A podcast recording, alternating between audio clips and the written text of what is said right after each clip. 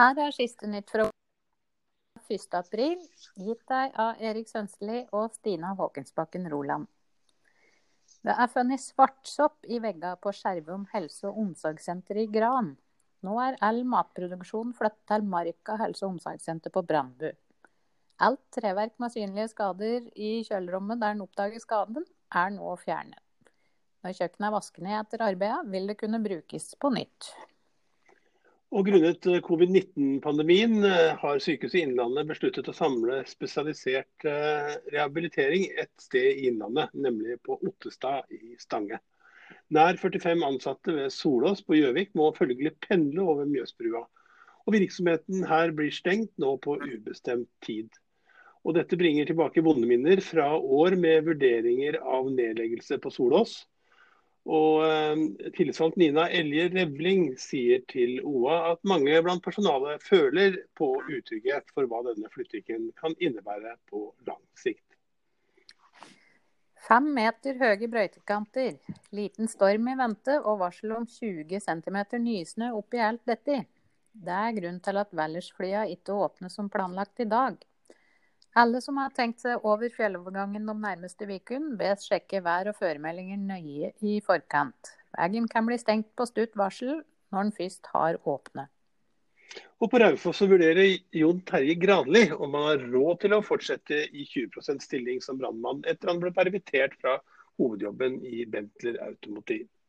Etter 20, 20 dager er reglene slik at han trekkes i dagpenger for timene han jobber som brannmann. Denne problemstillingen kjenner mange med bijobber på i disse dager, hvor mer enn 20 000 er permittert fra hovedjobbene sine bare her i Innlandet. Det sitter langt inne å be om penger, sier Daniel Vilnes Hilsen, barista og meier i kafeen Krutt på Gjøvik, som i løpet av ett døgn fikk inn 10 000 kroner på en Spleis-aksjon. Mange bedrifter benytter seg nå av denne muligheten til å få inn noen midler, mens ansatte er permittert og samfunnet går på tomgang fordi bedriftenes løpende utgifter fortsetter bare å rulle. Og så tar vi med oss at som vanlig sjekket Ante Langseth Folkestad, 20-åringen fra Lillehammer, ja ikke så langt fra Biri, er eh, Justin Bieber sin Instagram-profil før hun skulle legge seg her om kvelden. Og sannelig så ringte verdensstjernen folket. Og Folkestad hun fortalte både om koronasituasjonen i Norge, hvor kaldt det var her. Og hun rakk også å si at hun elsket eh, superstjernen sin før eh, samtalen var over. Ja, det var noen av de nyhetene eh, vi har nå. Litt etterpå så skal vi diskutere litt hvor er vi egentlig i denne pandemien som har rammet oss alle.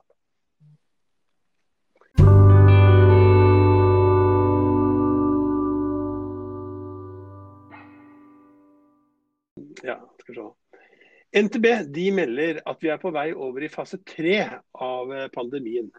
Og den Fase tre handler om at det er en økende epidemi. Eh, disse fasene, Stina, hva er det?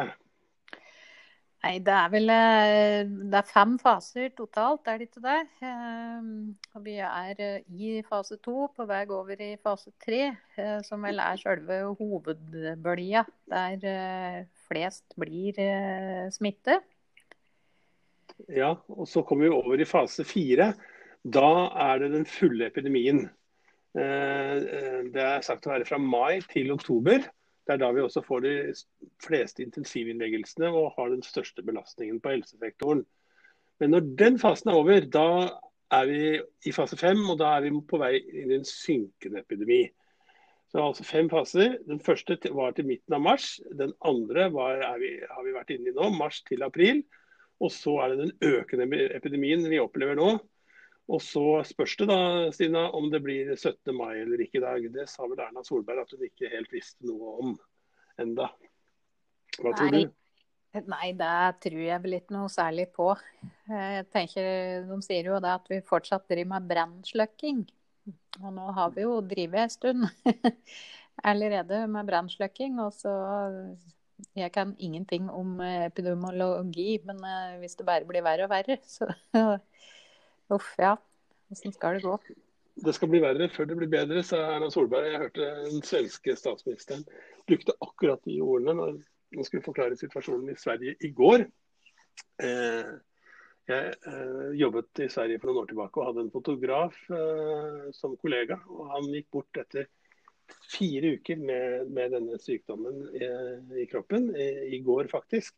Jeg, jeg, lurer på hvordan dette Det er litt spent på Svenskene og nordmennene har valgt helt forskjellig vei her. Eh, eh, det er litt spennende å se hvem som kommer best ut, hadde jeg nær sagt. Eh, det var, har, du noen tall fra Stockholm nå i det siste?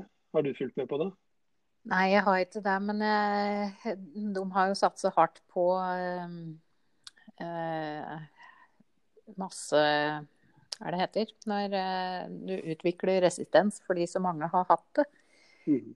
Eh, men jeg så det var en eh, i norske myndigheter som hadde uttalt seg om dette i går. og Han mente at det var helt urealistisk å se for seg i, i løpet av kort tid, slik som i hvert fall hatt inntrykk av at de har tenkt i Sverige.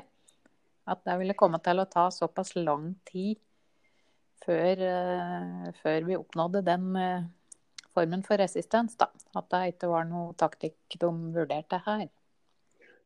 Så spørs det hva det betyr liksom sånn politisk press fra befolkningen nå.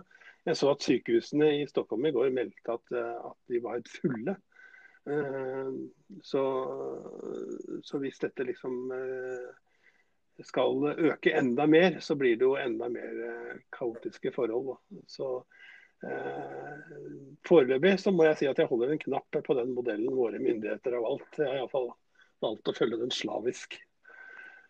Ja. Men det, det, store, store, land som uh, bruker den. Tyskland uh, bestemte i dag, eller EFTA, at de uh, viderefører sin eh, nedstenging fram til og med 19.4 i første omgang. Eh, der er det jo enda strengere enn her, tror jeg. Mm. Og Her er det vel 8. april som er en slags D-dag, for da skal Folkehelseinstituttet komme med nye anbefalinger til regjeringen. Mm. Og Da får vi se om det både blir fortsatt stenging av barnehager og skoler, eller om man begynner å lette på noen av de strenge tiltakene vi har levd under eh, de siste ukene.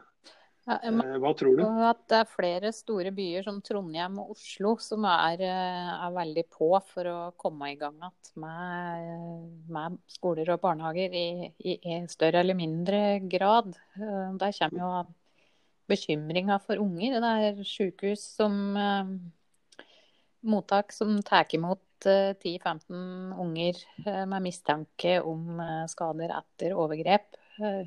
Eh, normalt i Vikoa, som ikke har sett en unge på flere uker nå.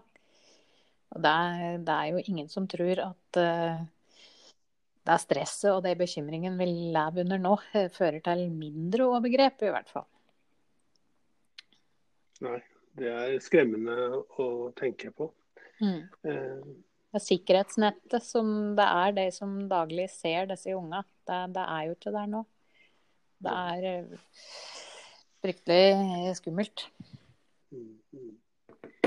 Det er eh, skummelt også hva dette koster oss eh, i samfunnet totalt sett. Det, er, det viktigste er de menneskelivene vi akkurat snakka om nå.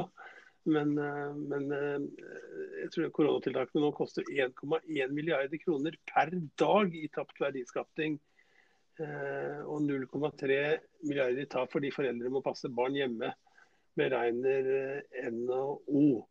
NHO har levert innspill til Helsedirektoratets vurderinger om fortsatte smitteverntiltak etter, etter 13.4. Mm. Um, og så kommer det vel en, ja, det var fredag da, en bred rapport om alle sider da, med det å åpne barnehager eller skoler. Mm. Ja. Hvordan har du det? Du har jo, eh, du har jo unger i skolealder, Stina. Det har jeg. Hvordan går det med hjemmekontor og hjemmeskole? Det går uh, egentlig veldig bra. De har funnet en rytme uh, å jobbe med deg i. Jeg syns de får mange varierte oppgaver. Hun på ungdomsskolen jobber mye, så det, det, er ikke noe ferie akkurat. Mm. Mm. Hvordan syns du det er å jobbe, da? Blir du brakkesyk? Jeg ble så brakksjuk. og jeg driver og truer med å reise på kontoret i morgen. Ja, vi får håpe at uh, uh, vi, denne fasen som vi går inn i, uh, klarer liksom å, å, forsinke At vi klarer å forsinke disse fasene, eller gjøre det sånn da, at vi ikke, ikke belaster sykehusvesenet vårt så mye. At, det, at de ikke klarer å håndtere de, de som blir sykeste av oss. Ja, skal vi si at det var det i dag, Stina? Ja, det tror jeg. Ja, noen av nyhetene som har vært i Innlandet i dag. og Mer kan du lese på oa.no akkurat nå. Og du kan også høre podkastene våre på Spotify bl.a. Ha en riktig god dag.